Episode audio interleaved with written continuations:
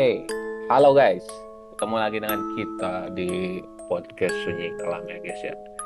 Nah, Yes. gue Kentur dan biasa sama Firman ya. Nah, hari ini kita eh, membahas topik yang dekat dengan rumah gue tentang Chill. Ya. Itu eh, jadi topik seram kali ini tuh dia tuh dekat dengan rumah gue, dekatnya tepatnya di Banjar lah. Banjar, Jadi dia- Banjar mana? Banjar Masin, Banjar Patroman guys. Banjar Patroman. Jangan Kalau- Ya nggak tahu Banjar Patroman di mana anjir. Nah. Nah, ada yang nggak tahu nih. Eh, nih Banjar Patroman tuh ya di Jawa Barat ya. Oke. Tepatnya dekat dengan Ciamis. Kalau Hmm. kalian mau ke Pangandaran, kalau dari arah Bandung kalian harus melewati daerah Banjar. Nah, itu dia. Oke. Nah. Di sini itu ada daerah yang kental dengan Susu. keangkerannya. Oh, kira kental dengan susu, susu kental manis. Kental. Bukan dong. Nah, itu Oke lanjut. kental dengan keangkerannya ya. Bahkan Asik. dikatakan zaman dahulu itu kalau udah sore terus melewati daerah itu pasti kalian akan menemukan seorang yang menggero menggero bukan menggero apa yang memanggil kalian ya dengan Oh, suara yang ya yang suara agak mendengung. Kalau Hmm. kalian coba pernah tutup hidung nah terus bicara halo halo satu dua tiga nah kayak gini nih. Nah, Jika orang gitu. swing anjing.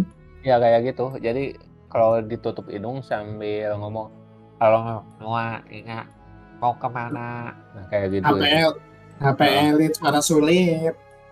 Heeh. Piwir beram beram jawir hayam. Dan itu suaranya kalau kalian ketemu itu kalian harus cepat lari ya. Anjir, Kalau- kenapa tuh bro? Heeh. soalnya kalau dijawab itu dari sore hari ya sekitar habis asar itu udah ngobrol soalnya. Dan itu kalau udah dijawab itu kalian bisa ke bawah dia gitu ya dari Anjir. eh, cerita-ceritanya ya. Hmm. eh gue aja langsung diceritakan itu nama tempatnya itu Pulau Majeti ya. Lebih tepatnya Rawa Onom. Nah, hantunya disebut Onom-Onom ya. Anjir. Itu nggak tahu kenapa disebut Onom-Onom, cuma kan itu dari penampakannya mah dia kayak nenek-nenek. Cuman Oh, hidungnya tuh nggak nenek-nenek. ada gitu. Hidungnya nggak ada. Anjir, Ah. gimana dia bisa Jadi dia menghirup udara? anjing? Voldemortnya ya. Voldemort Oh. gimana? Ya. Oh, hidungnya kecil gitu.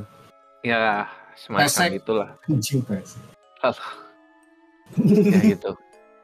Nah dulu juga pernah ada tuh eh cerita ya, cerita Hmm. bukan cerita tapi juga juga sebuah sejarah ya, sejarah dari eh suatu daerah, daerah Banjar juga Langgan Sari ya. Jadi daerah itu tuh penuh dengan siluman ya, salah satunya dari onom-onom itu. Jadi ketika ditanamin padi itu Hmm? dia pasti gagal terus, gagal Oh, hasilnya kurang. bukan Bukan. karena tikus gitu ya. Bukan bukan karena tikus. Eh, ceritanya sih karena siluman-siluman itu Siluman tikus, bukan. bukan. Siluman rawa rawa onom namanya onom-onom gitu. Nah, eh, kemudian ada datang seorang kiai ya. Ini juga Hmm. pendiri Toriko sih, kiai besar terkenal pada zamannya yaitu uh, Abah Sepuh. Abah Sepuh itu eh Eyang Nur Muhammad ya. Yaitu eh pokoknya ketika kunjungan ke sini dia tuh baca ke sawah itu Hmm. terus eh, berdoa di air terus disiramin nih ke daerah sono. Nah hingga sekarang ya nggak ada muncul penampakan lagi. Kemudian eh, dari hasil sawahnya pun jadi berkah gitu, jadi melimpah gitu. Yang asalnya untuk daerah itu kurang, jadi bisa ngirim ke daerah yang lain.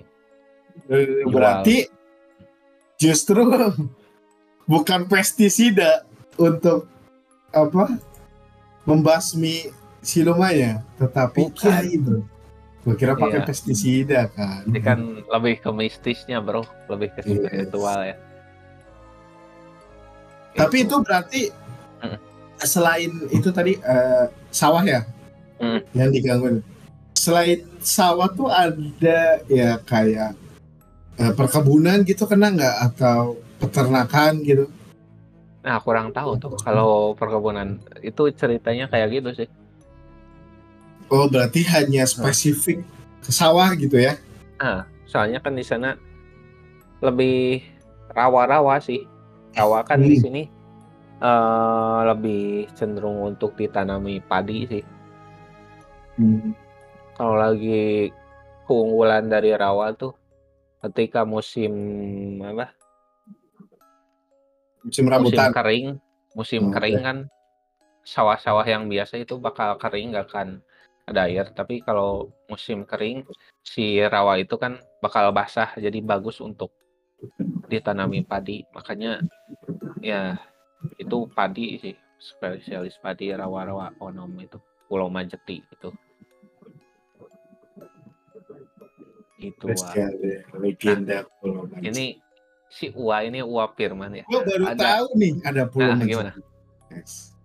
Nah, Ini menurut berita-berita ya, soalnya beritanya Iya. udah ya lumayan lah ya. Nah, gue juga belum tahu bener-bener. Ini gue bener-bener baru denger guys. Pulau Majid ini dan mungkin eh, masyarakat Banjar mah udah pada tahu kali ya. Seperti Hmm. ya mirip-mirip kayak mitos di apa bendungan Manganti kali ya.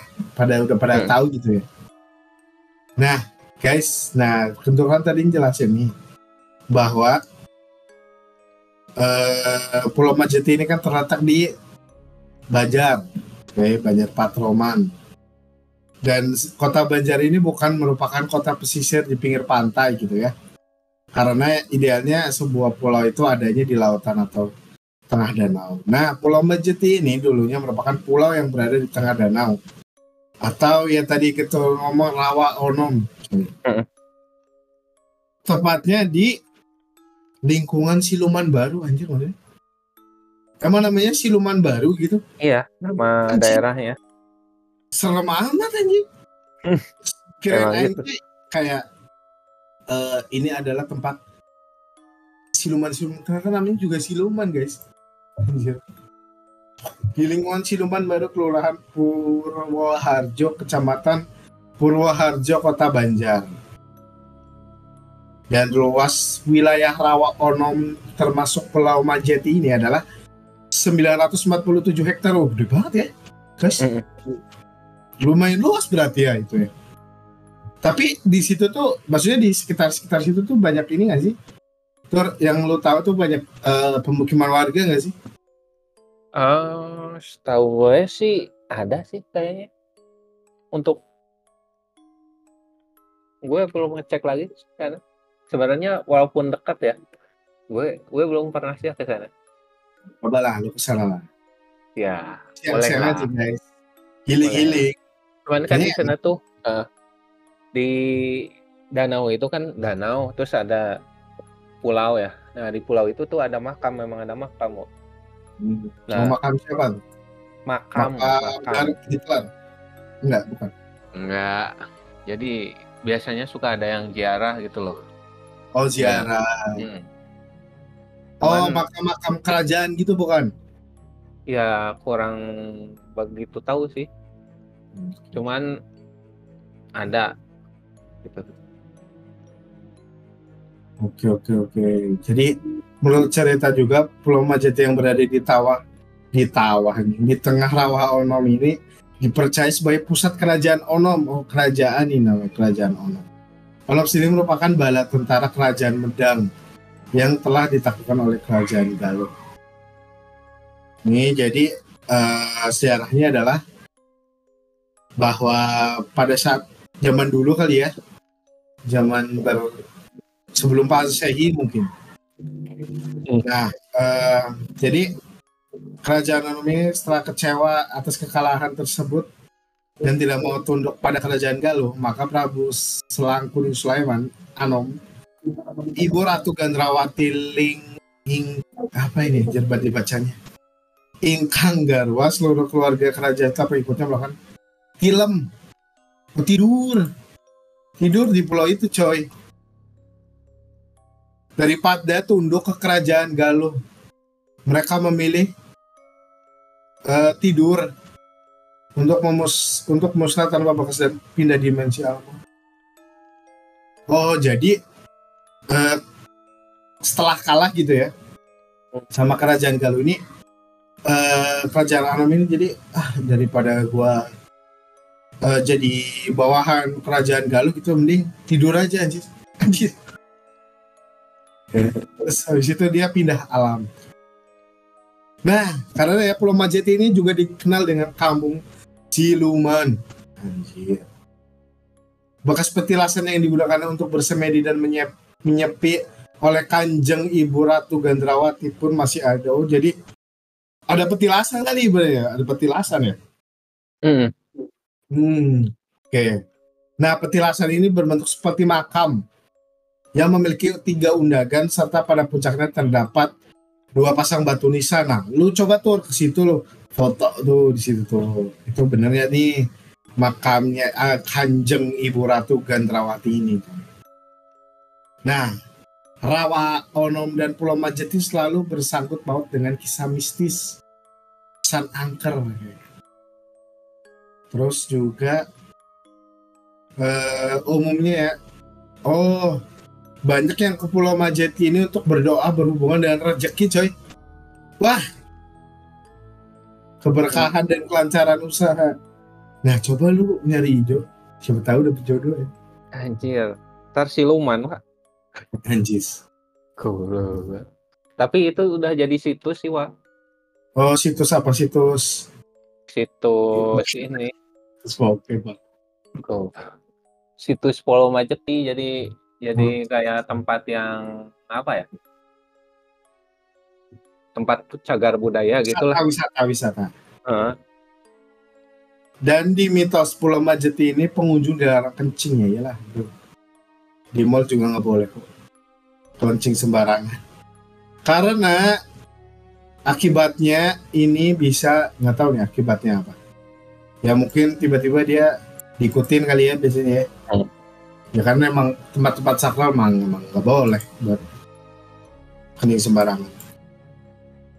Dan hal ini juga berkaitan dengan norma kesopanan dan adab sebagai tamu yang berkunjung. Kemudian juga ada larangan bagi pengunjung ataupun warga sekitar dilarang berbulu hewan. Oh, okay. berarti kayak ini lah ya, dilindungi kali ya, hewannya kali ya. Mm. Nah, kawasan di sekitar Pulau Majeti yang dikenal sebagai Kampung Siluman ini baru berpenghuni sekitar 50-an tahun yang lalu. Karena memang sebelumnya lokasi tersebut kosong, coy. Oh, berarti ada penghuninya di coy katanya. Oh iya. Ya, iya katanya baru per penghuni sekitar 50-an tahun lalu. Dan pemerintah juga sudah menetapkan Pulau Majid sebagai situs cagar budaya. Gitu guys. Selain itu juga uh, ada ada cerita ya uh, orang pernah berkunjung ke situ gitu.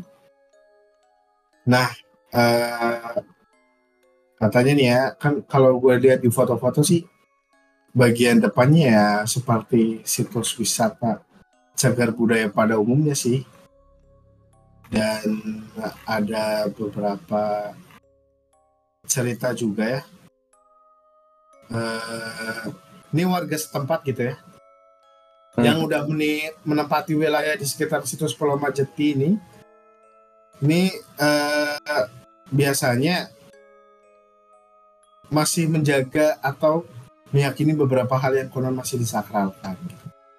Salah satunya adalah di situs ini diselenggarakan acara hajat bumi. Hajat bumi demi menjaga budaya dan tradisi yang tak lekang di makan zaman. Oh mungkin kayak kayak kalau di Cilacap tuh ada kalau malah acara satu surat tuh dia hmm. ini kerbau kepala kerbau biar buat sembahan mungkin ya hajat bumi ini mungkin ya Hmm. Nah, sampai sekarang juga Pulau Majeti dipercaya memiliki kekuatan mistis. Di mana banyak peziarah nih. Dari oh berarti dari luar Pulau Jawa juga bahkan. Ini bertapa, coy. Nah, ini ada cerita nih dari Encu namanya. Tukang Encu. ojek stasiun Banjar yang pernah mengantar penumpang ke wilayah Pulau Majeti. Nah, katanya ini ketika dia mengantar ini sempat katanya masuk ke dimensi lain coy Anjir. usai Gimana? menurunkan penumpang nah ceritanya ini kata Pak Encu ini setelah menurunkan penumpang saya kembali mengemudikan motor saya untuk pulang tapi tiba-tiba saya seperti memasuki sebuah perkampungan di mana ramai dengan manusia berkepala harimau Anjir. dan dengan pakaian zaman kerajaan.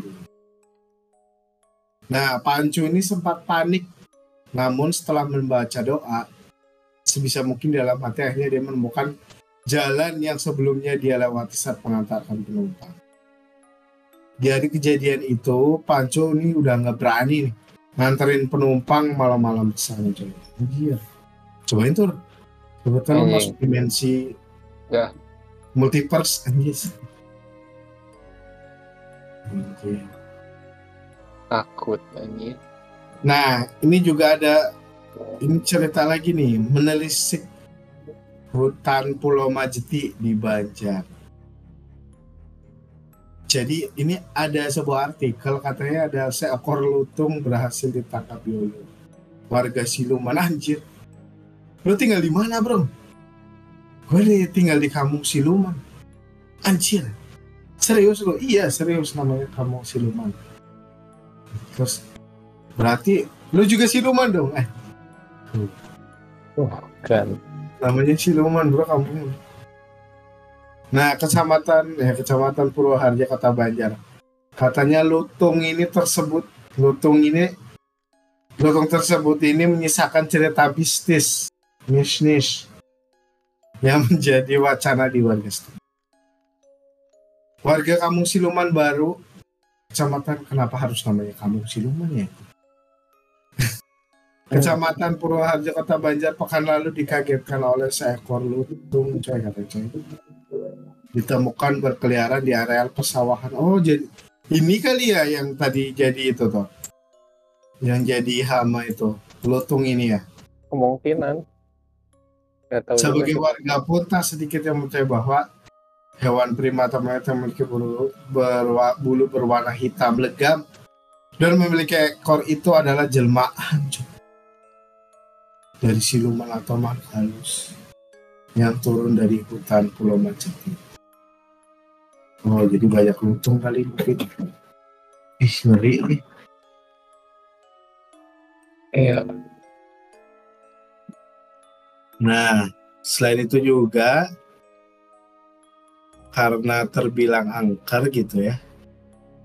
Jadi eh, ya pasti banyak lah warga yang takut gitu ya dengan adanya eh, siluman ini gitu. Nah, ini ada tokoh masyarakat mungkin ya. Namanya adalah Abah Pirno gitu ya. Nah, Abah Pirno ini menceritakan ya bahwa tadi sejarahnya tentang Pulau Majeti ini dan eh di situ tuh banyak banyak tokoh-tokoh lah. Ya kayak tadi eh, ada Kanjeng Ratu Gandawati, ada Raden Patih, ada Raden Jaksa, mungkin banyak banyak inilah ya, banyak keluarganya ya di kerajaan Anom ini gitu. Kerajaan Onom, malah Onom, Onom ya. Onom onom. Yes. Nah, kata Abah Pirno ini, orang-orang yang datang berasal dari luar kota Banjar, mereka sengaja menginap untuk bertapa, coy. Sebab mereka mempercayai bahwa lewat tetapak di Pulau Majeti maka rezeki anjir nih. Berarti ini sugihan dong anjir. Iya, kayak pesugihan juga. Hmm, jadi Eh, soalnya banyak nih katanya dari luar Pulau Jawa bahkan. Jadi dia bertapa nih di Pulau Majeti katanya rezeki akan mudah didapat. Ah, rezeki. Sugi ya nih. Nah tempat ini sebetulnya kata Abah Piro ini tempat ini nih guys. Bukan untuk mendatangkan uang dengan cara yang aneh-aneh. Misalnya tiba-tiba datang uang dari keramat, tetapi dari usaha. Ya sebenarnya kalau minta-minta gitu ya sama aja ya jatuhnya ya. Dia juga Hmm. mengatakan konon cerita dari nenek moyang bahwa suatu saat su- eh, ini ini ini ini se- ini lumayan bikin gua kaget. Kata Gimana, nenek moyang bahwa ibu kota Indonesia ada di Pulau Majeti anjing. Dan wah berarti ntar mana daerah mana jadi daerah ibu kota cuy. Suatu saat katanya cuy. Jadi ibu kota Indonesia ini bakal ada di Pulau Majeti. Dan suatu saat pula pula di Pulau Majeti akan terdapat harta karun coy. Bener berarti nanti kita menunggu tahun berapa gitu ya. Monkey D. Luffy bersama rekan-rekannya itu akan datang ke Pulau Majeti ini untuk mencari harta karun. yang tidak ternilai harganya. Dan sementara itu mengenai munculnya seekor, seekor lutung ini yang kerap ditemukan berkeliaran di areal pesawat beberapa waktu lalu bukan lutung. Oh, bukan lutung, siluman coy bener-bener lutung katanya. Nah, pasalnya semenjak eh, Abah Pirna ini menjaga dan melestarikan hutan, baru kali ini katanya menemukan lutung coy. Jadi si Joro Kunci ini ah ini mah beneran lutung, bukan jadi-jadian gitu. Nah, Abah Pirna ini menambahkan juga hutan Pulau Majeti hanya terdapat pepohonan besar dan Hmm. sejumlah tempat keram. Anjir. Jadi eh nah itu tuh kan karena banyak yang nginep ya. Karena mungkin di sana hutan gitu ya. Jadi ya udah nggak ada red doors nih aja. Udahlah nginep aja di Pulau Majeti gitu. Sekalian bertapa gitu terus habis itu ya semoga lah gue balik dari Pulau Majeti ini bisa mendapatkan rezeki ini tapi katanya tadi kata juru kuncinya itu si Abah Pirna ini bahwa rezeki ini bukan datang langsung dari ketika lu meminta langsung ke Pulau Majetinya tuh katanya jadi rezekinya tuh lewat eh, usahanya dia gitu. Nah itu kan menurut gue sih sama aja gak sih? Ah, Iya kan? Minta-minta juga kan? Yes. Nah itu guys. Tapi eh, mungkin banyak diperbolehkan ya. Mungkin kepercayaan lah ya. Hmm. Oke. Nah, Pulau Majeti ini. eh, nah, ada lagi atau cerita dari lo tentang Pulau Majeti ini yang mungkin hmm, yang belum diceritain tadi nih? Ada nggak? Ada nggak lu coba ingat-ingat gitu? Atau lu cuma tahu sebatasnya eh, kampung siluman gitu? Ya kampung siluman sih. Kayak atas itu doang nggak tahu sampai ada pesugihan gitu. Yes, belum tahu berarti ya, kayak eh, Belum.